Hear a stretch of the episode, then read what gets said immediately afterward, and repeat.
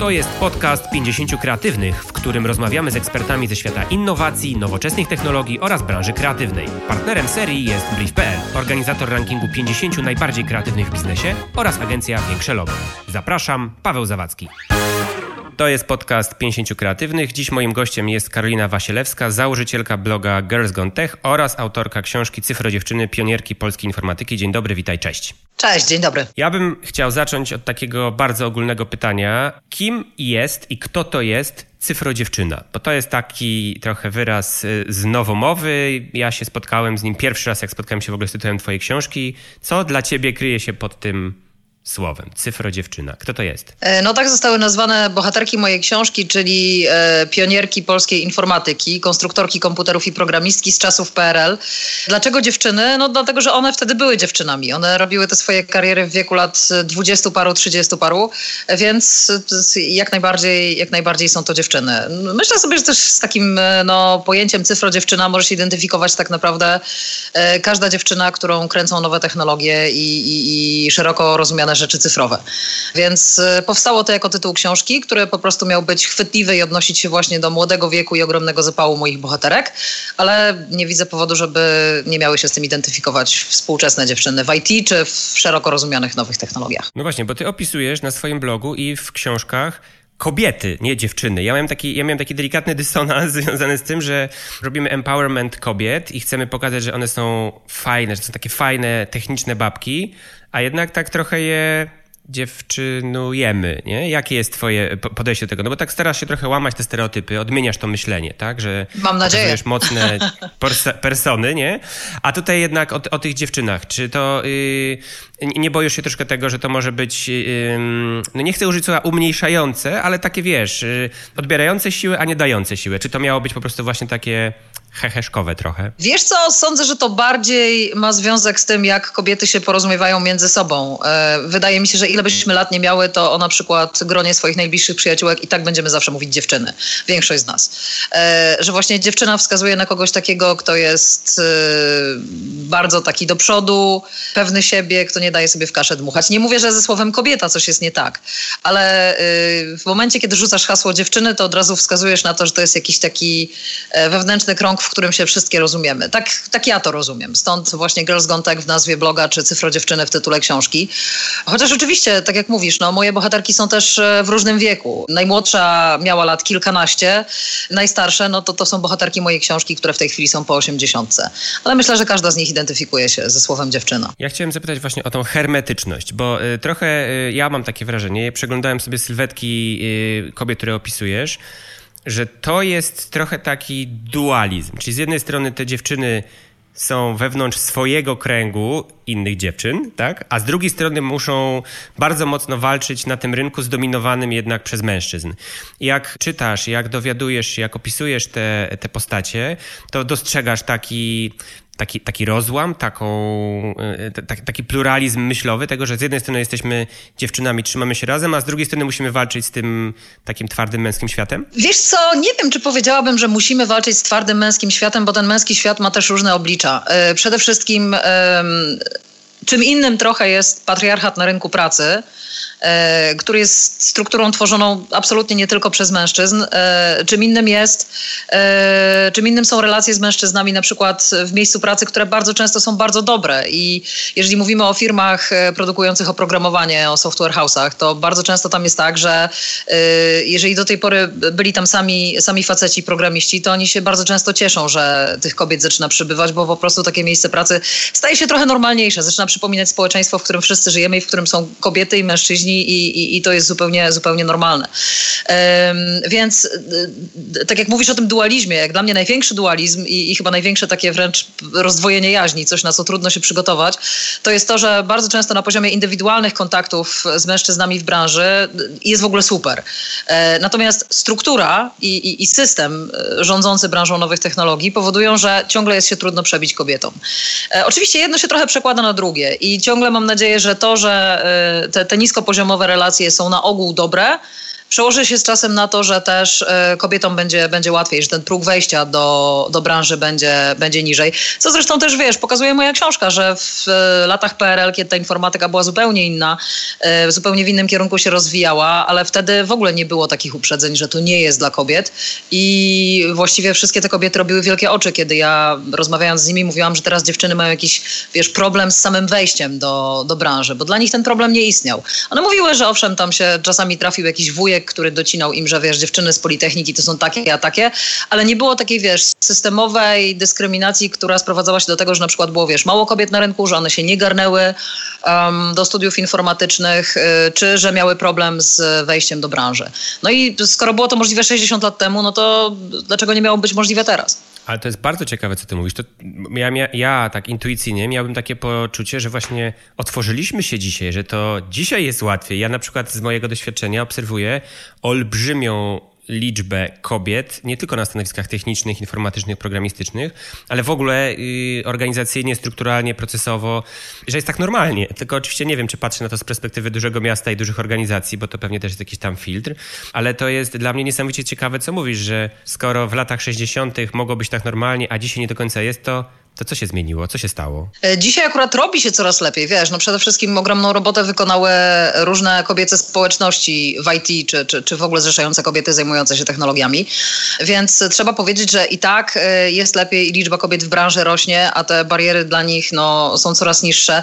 Też odnoszę wrażenie, że w tej chwili już takim, takim obciachem trochę jest, jeżeli firma, wiesz, ma te swoje takie właśnie wujowe e, zasady postępowania wobec kobiet i wręcz nie, nie eksponuje tego, że, że jest jak najbardziej po stronie kobiet i że chce je zatrudniać.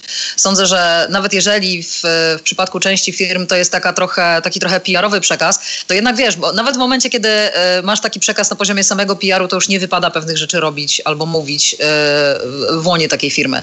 Więc myślę sobie, że jest coraz lepiej. Natomiast rzeczywiście była to taka dziura, wiesz, w latach 90., kiedy my rozwijając na nowo tę polską informatykę, kopiowaliśmy trochę wzorce z zachodu. Bo polska informatyka, ta, o której ja piszę w swojej książce, czyli produkowanie polskich komputerów i oprogramowania do nich, skończyła się na przełomie lat 80. i 90., kiedy okazało się to zwyczajnie nieopłacalne. Wiesz, przyszedł tańszy sprzęt z zachodu, tańszy i lepszy przy okazji. I w związku z tym e, ten nasz przemysł się, się po prostu zakończył. Po czym w latach 90. zaczęło się to odradzać bardziej na poziomie e, produkowania własnego, własnego oprogramowania. No i wtedy zaczęło się kopiowanie właśnie tych wzorców, wiesz, z Doliny Krzemowej, która była wówczas bardzo brotopijna, czyli zdominowana przez, wiesz, młodych Y, mężczyzn dość nieźle zarabiających. A co mają w głowie młodzi mężczyźni dość nieźle zarabiający, to chyba wiemy wszyscy, na przykład śledząc perypetie bardziej piłkarzy niż programistów, bo oni są bardziej znani z rozbijania swoich Lamborghini tu i ówdzie, tak? Więc rzeczywiście w latach 90. Y, był ten deficyt i na początku lat 2000, po czym sprawę wzięły w swoje ręce y, czy to Karotki, czy Fundacja Edukacyjna Perspektywy, które jako pierwsze zaczęły pokazywać, że dziewczynom w IT jest trudno, że w ogóle jest jakaś taka narracja, że dziewczyny się do tego nie nadają i nie chcą tego robić, co nie jest prawdą. W ogóle skąd się pojawiła taka narracja? To mnie strasznie ciekawi, bo ja mam takie poczucie, że my... Yy walczymy dzisiaj z czymś, co sami sobie wymyśliliśmy. Znaczy, sami sobie wymyśliliśmy, że dziewczyny się nie nadają do IT. Przepraszam, ja w ogóle się z tym nie zgadzam. Uważam, że to jest coś kompletnie wyssanego z palca. Zgadza znaczy, się, bo jest. Kto to kiedyś wymyślił? Kto to kiedyś Znaczy, bo to ktoś musiał, ktoś musiał usiąść i powiedzieć, słuchajcie, to dzisiaj wszyscy na całym świecie myślimy, że dziewczyny nie dają się do IT. Skąd w ogóle ten, wiesz, skąd to się pojawiło, no? Z tym jest tak jak z każdym innym stereotypem płciowym, no. Z tym jest tak jak ze stereotypem, że nie wiem, mężczyźnie nie wolno płakać, kiedy płacz jest naturalną reakcją fizjologiczną na smutek czy zdenerwowanie i każdemu wolno płakać, wolno. To czasami nie mamy nad tym panowania, tak? Bo to nie jest tak, że jakaś dziewczyna spróbowała wysłać rakietę w kosmos i ta rakieta wybuchła trzy razy z rzędu i to znaczy, że one się nie nadają, nie? Słuchaj, wielu facetów próbowało wysłać rakiety w kosmos i te rakiety wybuchły i nie wyciągnęliśmy z tego wniosku, że faceci się do tego nie nadają.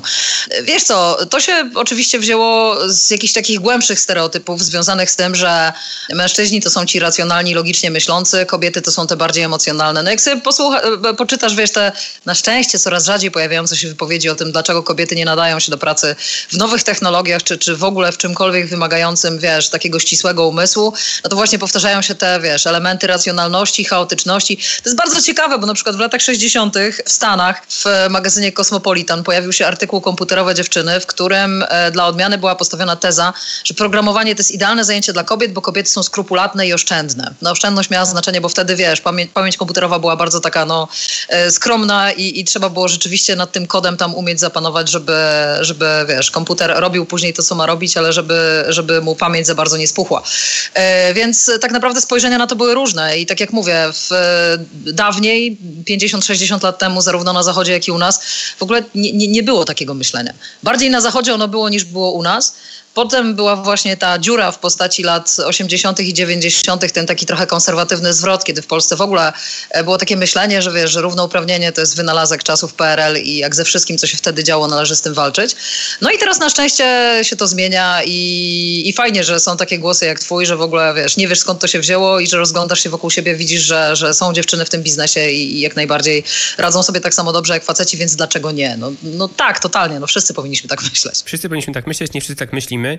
Ja zapytam, bo y, z tego, co mówisz i ze sposobu, w jaki mówisz, mam trochę takie wrażenie, że przedstawianie tych sylwetek dziewczyn, dbanie o to i trochę taka walka o to, no nie chcę używać słowa równouprawnienie, bo ono, tak jak powiedziałaś, kojarzy się właśnie z takimi latami 90. Mnie się nie kojarzy, używajmy jak najbardziej. Tak, używajmy, dobra, że walka o to równouprawnienie jest trochę taką twoją misją. I, i ten blog, i ta książka, i to, o czym mówisz, i to w jaki sposób mówisz, y, trochę pokazuje, że y, takim jesteś, jak to się, takie ładne słowo, ewangelistą tych, tych kobiet na rynku IT. Czy ty faktycznie masz, y, masz taką misję i, i, i, dbasz o to, walczysz o to? Czy to jest jakiś efekt uboczny tego, że właśnie zaczęłaś się tym zajmować i po prostu cię to pochłonęło? Jak to jest? Co było pierwsze? E, od tego się rzeczywiście zaczęło. Jakkolwiek tak w ogóle na samym początku e, pomyślałam sobie, że fajnie byłoby pokazywać e, kariery kobiet w nowych technologiach, dlatego że w momencie, kiedy zaczynałam pisać tego bloga w 2016 roku, to było trochę tak, że takich historii właściwie w tych mediach głównego nurtu nie było. Były opisywane, wiesz, kariery kobiet, różne, różne historie z życia kobiet, ale akurat nie to.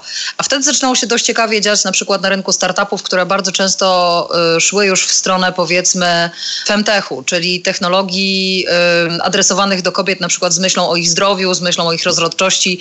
Ja nie mówię, że faceci nie potrafią się tym zająć, tylko po prostu bardzo wielu mężczyznom nie przyszło do głowy, że, że są takie czy inne potrzeby, tak? Jest bardzo znany, nie wiem, polski na przykład startup Pelvifly, które, które oferuje e, sprzęt i oprogramowanie do ćwiczeń mięśni na miednicy, które w przypadku kobiet są kluczowe. Nie wiem tak naprawdę, ilu mężczyzn, pomijając tych, którzy mają wiedzę, wiesz, zawodową, medyczną z tym związaną, wpadłoby na taki pomysł. To my wiemy, że nam jest to potrzebne, więc zaczęły się pojawiać właśnie takie, wiesz, bardzo ciekawe kobiece inicjatywy. Z drugiej strony właśnie dużo się mówiło o deficycie kobiet w IT i pomyślałam sobie, okej, okay, zabierzmy się za to, zobaczmy, gdzie mnie to zaprowadzi. Natomiast w międzyczasie to zaczęło pączkować też w trochę innych kierunkach, bo jeżeli ktoś nigdy mojego bloga nie czytał, nigdy na nim nie był, to też nie chciałabym, żeby wyciągnął taki wniosek, że on jest jakiś, wiesz, antymęski, bo absolutnie nie jest. Tam e, na moim blogu i w mojej książce też pojawiło się sporo mężczyzn wspierających kobiety i robiących z nimi różne fajne rzeczy. Na przykład jak pisałam artykuł o indie game devie, czyli niezależnych twórcach gier, no to bardzo często to były, wiesz, dziewczyny, które pracowały w tandemie ze swoimi mężami, partnerami, e, rozkręcali sobie jakieś fajne domowe studio, czyli widać tutaj, wiesz, dużą równość. Jak pisałam o e, Fablabie, który e, został stworzony tak amatorsko, wiesz, w Wielkopolsce, stworzyła go dziewczyna mająca dzisiaj lat 18 ze swoim ojcem i oni tam, wiesz, od zera składają plotery czy, czy drukarki 3D na przykład, więc tu mamy fajny przykład, wiesz, wsparcia córki przez, przez ojca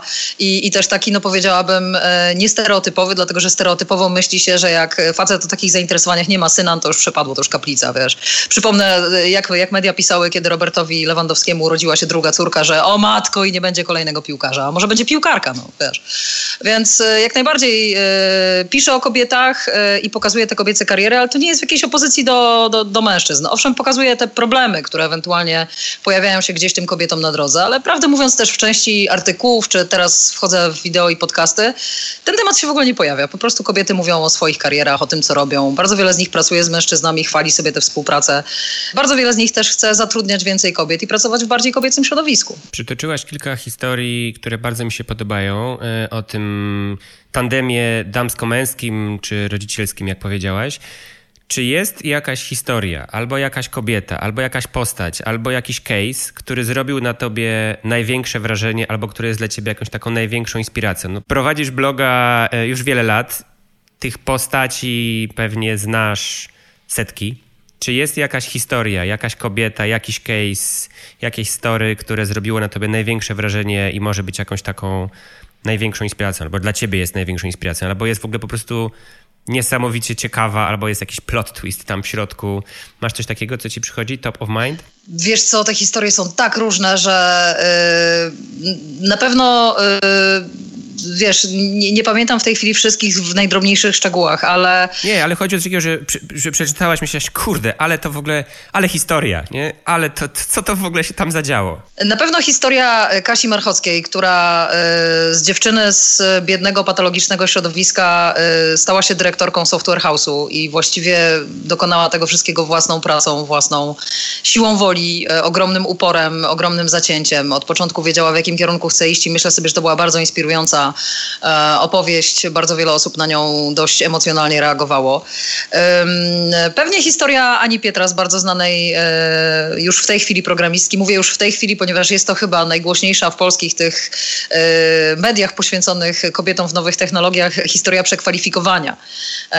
Ania razem z mężem stworzyła kurs Java, który jest bardzo popularny, jest do tej pory u nich na blogu, z którego ona sama się uczyła i, i ten kurs też no, pomógł jej zostać programistką, kiedy wcześniej zajmowała się, e, z tego co pamiętam, e, to była jakaś taka ścieżka e, sprzedaży, PR-u, również w branży IT, ale fascynowało ją to, co robią programiści i bardzo chciała do nich dołączyć. Ale wiesz, tych historii jest tak naprawdę sporo. Bardzo często to są właśnie historie startupów, kiedy jakaś dziewczyna czy, czy kobieta odkryła, że czegoś na rynku brakuje i zaczęła iść w tym kierunku, pomimo że na przykład wcześniej nie miała zupełnie ku temu merytorycznego przygotowania. To są bardzo często też historie typu rzuciłam korporację i zaczęłam coś swojego. Jak niesamowicie inspirująca historia Kasi Dorsey, która pracowała w bardzo wielu dużych firmach, po czym stwierdziła, że chce robić małą firmę rozwijającą AI w sklepach internetowych i ta firma jej niesamowicie wystrzeliła. Już AI ma teraz na koncie bardzo wiele nagród i, i wyróżnień. I są te historie bardzo młodych dziewczyn, które y, czasami, wiesz, zadziwia mnie to, że ktoś ma 19 lat i jest tak bardzo zdeterminowany na przykład w tym kierunku, że chce być astrofizyczką, że już wygrał trzy olimpiady astrofizyczne, poświęca każdą wolną chwilę na obserwacje, na wiesz, gdzieś tam wyprawy dalekie z teleskopem. E, więc jest to również dla mnie ogromna inspiracja, bo e, czasami chyba każdy z nas ma w swoim życiu takie poczucie, że potrzebuję takiego, wiesz, kopa, e, żeby się zastanowić nad sobą, e, nad, nad, tym, co robić, co robić dalej ze swoim życiem. Myślę też, że na takim etapie jest bardzo wiele moich czytelniczek i czytelników też, bo, bo czyta nas sporo mężczyzn, mm, że właśnie myślą o tym, że może chcieliby zrobić coś odważnego, chwycić byka za rogi, trochę się zastanawiają, czy, czy mogą, czy już są w stanie, czy już pozwalają im na to ich umiejętności. Mm, I sądzę, że, że te historie no, rezonują z nimi. A twoja historia? Ty jesteś cyfrodziewczyną? Ja jestem cyfrodziewczyną tak trochę jedną nogą, wiesz. Yy, bardziej jestem kronikarką, po, powiedziałabym, nawet, nawet nie branży, no środowiska. Mnie zawsze interesowały nowe technologie, jakkolwiek wiesz, one mnie interesują w takim bardzo humanistycznym wymiarze. To znaczy, ja ci nie powiem, kiedy będzie premiera nowego iPhone'a, bo mnie to najzwyczajniej w świecie nie grzeje. Ale na przykład możemy porozmawiać, wiesz, o zastosowaniu e, machine learningu w walce z pandemią koronawirusa. Interesuje mnie Y, interesują mnie nowe technologie o tyle, o ile służą ludziom, coś popychają do przodu. I, I, też w taki sposób staram się o tym pisać. Wiesz, ja jestem dziennikarką z zawodu. Y, po prostu zaczęłam się tym zajmować dlatego, że, że mnie to y, autentycznie interesowało. Czułam, że jest brak takich tematów. W tej chwili one się zaczynają pojawiać tak mniej więcej od, od półtora roku, dwóch lat. I stwierdziłam, że dobra, skoro nie mam mediów, które chciałyby skorzystać z tego mojego potencjału i rozwijać takie tematy, to, to będę to robić sama. Więc w jakimś tam sensie jestem cyfrodziewczyną, ale absolutnie to, to, to nie jest tak, że mam, wiesz, całą technologiczną wiedzę w małym palcu, tym bardziej, że pisząc tak różnorodne tematy, wiesz, raz to jest majsterkowanie, raz to jest programowanie, raz to jest AI, y, raz jeszcze coś tam innego. Y, ja muszę mieć tak naprawdę sporą bazę wiedzy, ale nie wejdę bardzo głęboko w żaden z tych tematów. Y, to znaczy w każdym z nich muszę jakoś tam swobodnie się poruszać, ale to nie jest tak, że wiesz, jestem totalnym ninją w, w, w każdym z nich. A masz jakiegoś takiego swojego świętego grala? Jest jakiś twój taki endgame dla, nie wiem, dla bloga, czy dla książki, czy dla ciebie w ogóle jako takie, że jest taki, wiesz, taka wisienka na torcie, którą jak dotkniesz, albo z kimś pogadasz, albo spotkasz, albo zrobisz, albo zaprojektujesz, to powiesz sobie, this is it, o to chodziło. A nie ma czegoś takiego, dlatego że ciągle pojawiają się nowe postacie i ciągle pojawiają się nowe tematy. Wiesz, na przykład w czasach, kiedy ja zaczynałam prowadzić tego bloga, temat machine learningu praktycznie, no jeszcze tam raczkował, tak? Po czym się okazało, że mnóstwo osób się tym zajmuje, że powstała pierwsza kobieca społeczność, która, e, która wspiera dziewczyny właśnie w tej branży. I okazało się, że to jest cała nowa gałąź, którą, którą trzeba rozwinąć, której trzeba się przyjrzeć.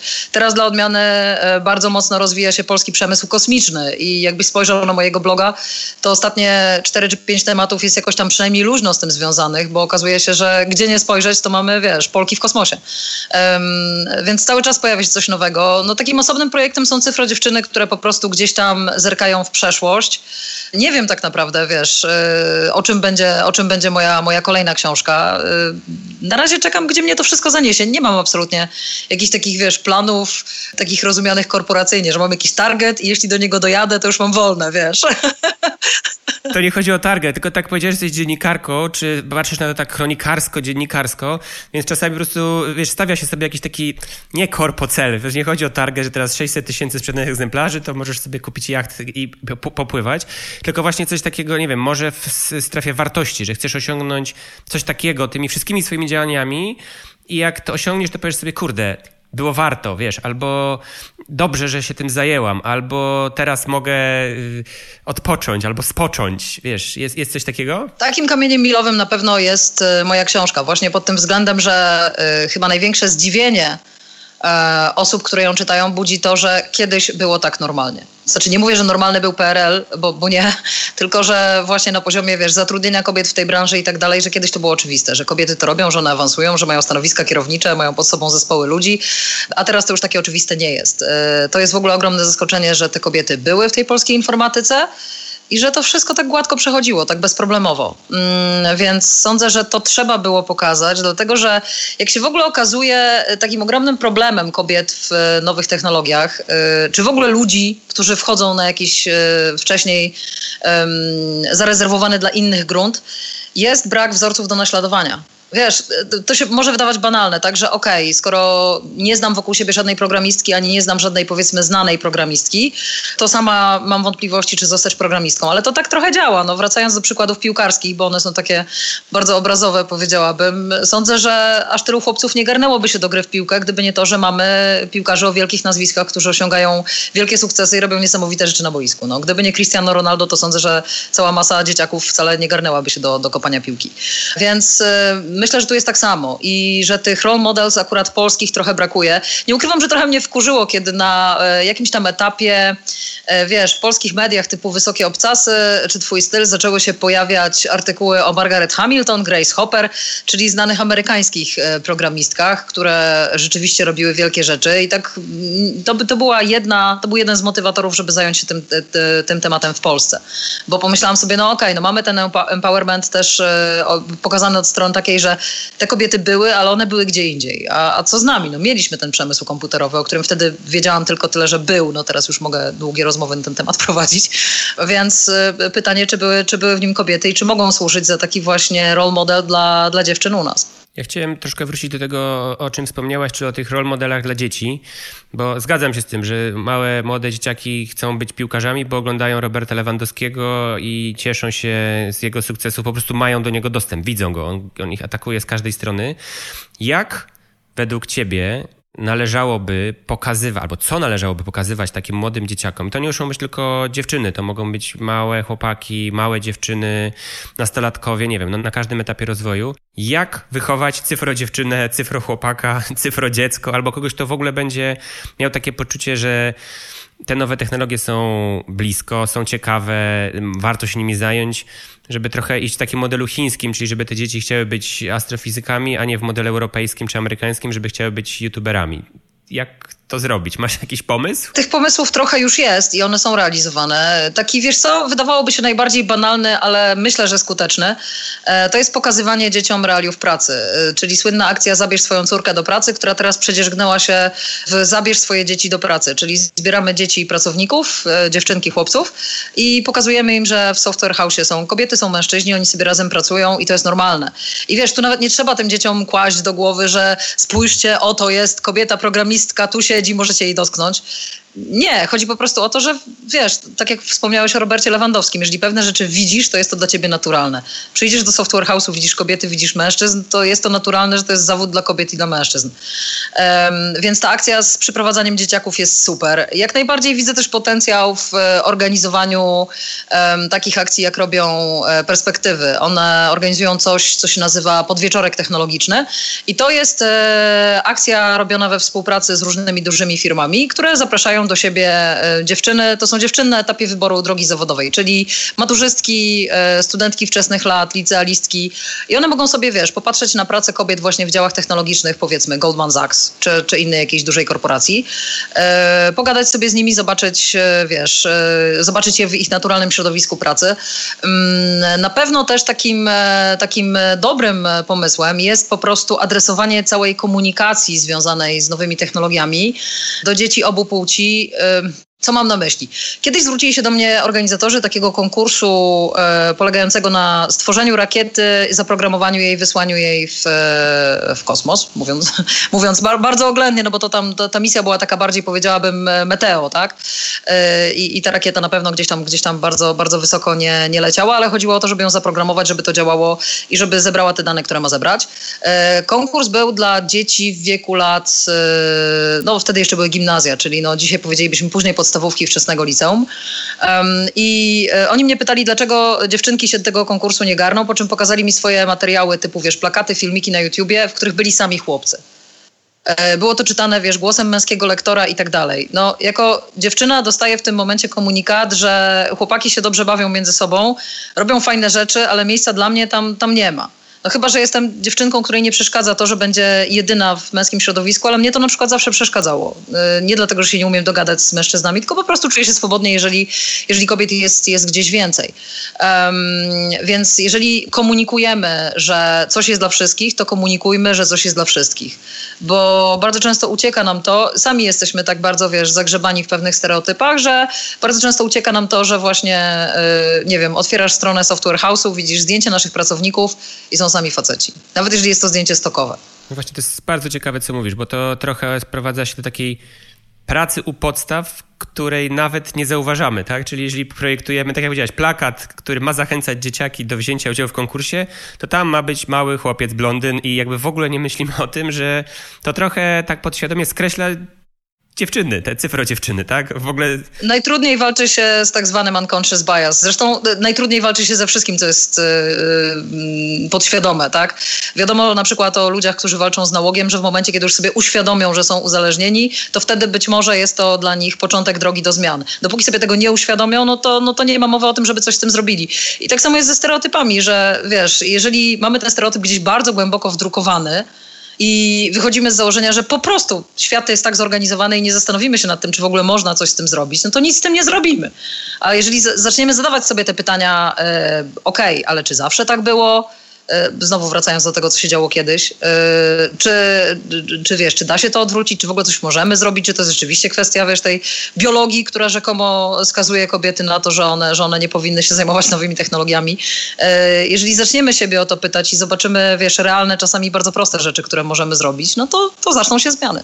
No ja jestem z wykształcenia psychologiem, więc te historie związane ze stereotypami są mi bliskie i też, i też sam, mimo tego, że jestem czuły na to i mam taką, mam przynajmniej nadzieję, samoświadomość różnych tych rzeczy i procesów, to też czasami się łapię na tym takim po prostu totalnie skrótowym myśleniu, które jednak bywa czasami krzywdzące dla różnych, czasem dla mnie, czasami dla jakiejś grupy, czy, czy dla kogoś, z kim rozmawiam.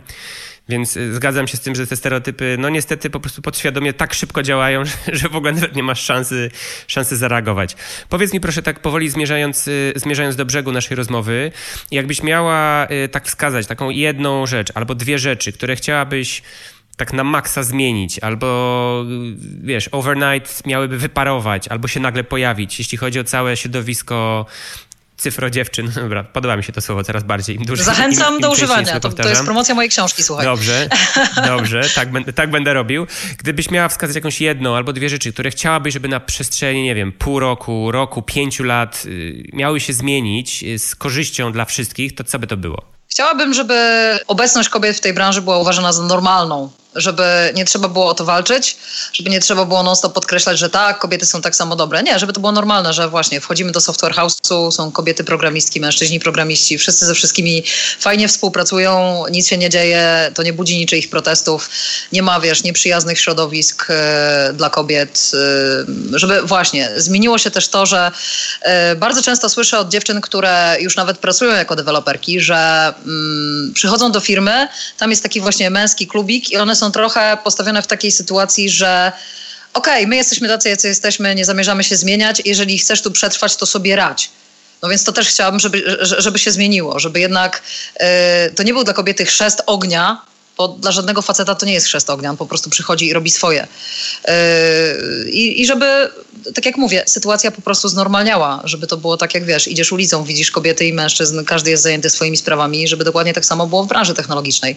I żeby już nikt nie doszywał do tego żadnej ideologii, że kobiety to się nadają bardziej do tego, a mężczyźni to bardziej do tego, a mężczyźni to mają bardziej umiejętności twarde, a kobiety bardziej umiejętności miękkie. To w ogóle nie jest związane z płcią. I, I żeby to było oczywiste. Gdyby to się zmieniło, pff, super. Tylko wtedy zmieniasz nazwę swojego bloga z Girls Gone Tech na Humans Gone Tech, co? People Gone Tech, tak. People Gone Tech, dokładnie. Nie, no tak jak mówię, on cały czas jest tak naprawdę w dużej mierze o people, wiesz. Absolutnie nigdy, nigdy moją misją nie było, y, nie wiem, wygonić facetów z branży i, i spowodować, że ona będzie zdominowana przez kobiety. Nie, po prostu fajnie by było, gdyby była równowaga. Cieszy mnie to, że też, y, że, że nie tylko kobiety, ale też wielu mężczyzn y, działa w tym kierunku. Ostatnie pytanie za co trzymać kciuki, jeśli chodzi o ciebie? Książkę, bloga, twoje plany. Jest coś takiego, nad czym teraz pracujesz i chciałabyś, żeby wszyscy mocno trzymali kciuki, żeby się udało? Na razie zakończyłam plany nad, e, pracę nad, nad książką. E, jeśli chodzi o dalsze plany, chciałabym właśnie rozwinąć bloga bardziej w kierunku e, wideo i podcastów. Mam nadzieję, że, że to się uda, więc jeśli trzymać kciuki, to na pewno za to. Mm, jakkolwiek mówię, na razie jestem na takim etapie, kiedy trochę kurz opada jeszcze, wiesz, po, po premierze Cyfro Dziewczyn, która była, która była 3 czerwca. No ale jak najbardziej zabieramy się już za za, nowe rzeczy i chciałabym, żeby, żeby nasza publiczność też je przyjęła, przyjęła życzliwie, więc, e, więc za to jak najbardziej, jak najbardziej trzymaj kciuki. To jeszcze jedno ostatnie pytanie, bo to też mnie zawsze ciekawi. No jesteś teraz po pewnie serii spotkań autorskich. Najdziwniejsze pytanie, jakie do tej pory so far ktoś ci zadał w związku z tobą, blogiem albo książką w, w twoim tour? Najdziwniejsze pytanie. Um... No bo to jest takie, wiesz, bo, to ciekawymi rzeczami się zajmujesz. No masz, wiesz, jakąś wielką wiedzę, dotykasz tych różnych historii, więc ludzi to pewnie bardzo ciekawi. Więc wiem, że na tych spotkaniach autorskich, czy na tych spotkaniach z takimi ciekawymi ludźmi często właśnie pytają po prostu ciekawe pytania. Masz, nie, coś się takiego zadziało? Teraz nie. Y, bardzo wiele osób pyta o takie rzeczy, które mnie jako autorce tej książki wydają się dość podstawowe, dlatego że ja z tym tematem y, no, budziłam się i zasypiałam przez dwa i pół roku. Y, I, i wiesz, dla mnie to, to było oczywiste, że, że w Polsce istniał ten przemysł informatyczny, że był dość spory, że myśmy eksportowali te komputery że, że, i że były w tym kobiety, więc teraz, kiedy właśnie słyszę pytanie i tych kobiet naprawdę było aż tyle, no, no tak, no było ich aż tyle, opisuję to na kartach książki, ale y, podchodzę do tego wyrozumiale, bo wiem, że ludzi może to dziwić. Mnie to też zaszokowało, kiedy zaczęłam szukać tego materiału i okazało się, że przy każdym większym e, projekcie informatycznym jest jakaś kobieta. Oczywiście, wiesz, no na przestrzeni lat, jeżeli już nie rozmawiamy o książce, tylko rozmawiamy też o blogu, słyszałam bardzo różne pytania. E, bardzo mnie zawsze bawi pytanie, takie podszyte chyba tym, że ja mam się obrazić, a ty jesteś feministką? No, no tak, no jestem feministką, jestem również szatynką, jestem praworęczna. No, jest to dla mnie oczywiste tak? E, więc e, nie, chyba jakichś takich pytań, które by mnie, wiesz, wprawiły w osłupienie nie było. Większość osób, która, która ze mną rozmawiała o książce, książkę zdecydowanie czytała i nawet czasami mają, wiesz, pamięć do, do większych szczegółów niż ja już w tej chwili. Niemniej rzeczywiście e, ciągle dominuje to takie zdziwienie i, i trochę oczarowanie tym faktem, że kiedyś było tak inaczej niż jest dzisiaj. No to może tak trochę kontrintuicyjnie, to życzmy sobie tego, żeby w przyszłości było tak jak w przeszłości, czyli co, powrót do przeszłości sobie Powrót zróbmy. do przeszłości. Powrót do przeszłości sobie zróbmy. E, słuchaj, no to e, bardzo dziękuję Ci za, za rozmowę. E, trzymam kciuki za książkę, spotkania, sprzedaż i to, żeby ta Twoja misja, bo to pewnie nie jest kwestia tylko dobrej sprzedaży książki, tylko dzielenia się tą misją i tymi ciekawymi historiami. Jak najbardziej. Żeby, żeby to szło po Twojej myśli. Bardzo dziękuję za Twój czas. Trzymam kciuki za, za wszystkie projekty, za wszystkie cyfrodziewczyny, które są blisko i daleko w dużych korporacjach, w małych korporacjach i, i i w startupach. Yy, wielkie dzięki, no i mam nadzieję do zobaczenia, do usłyszenia. Dziękuję bardzo. Dzięki za dziś. Pozostałe odcinki tego podcastu znajdziecie na Spotify, Apple Music, SoundCloud oraz w swoich ulubionych odtwarzaczach podcastowych. Do usłyszenia!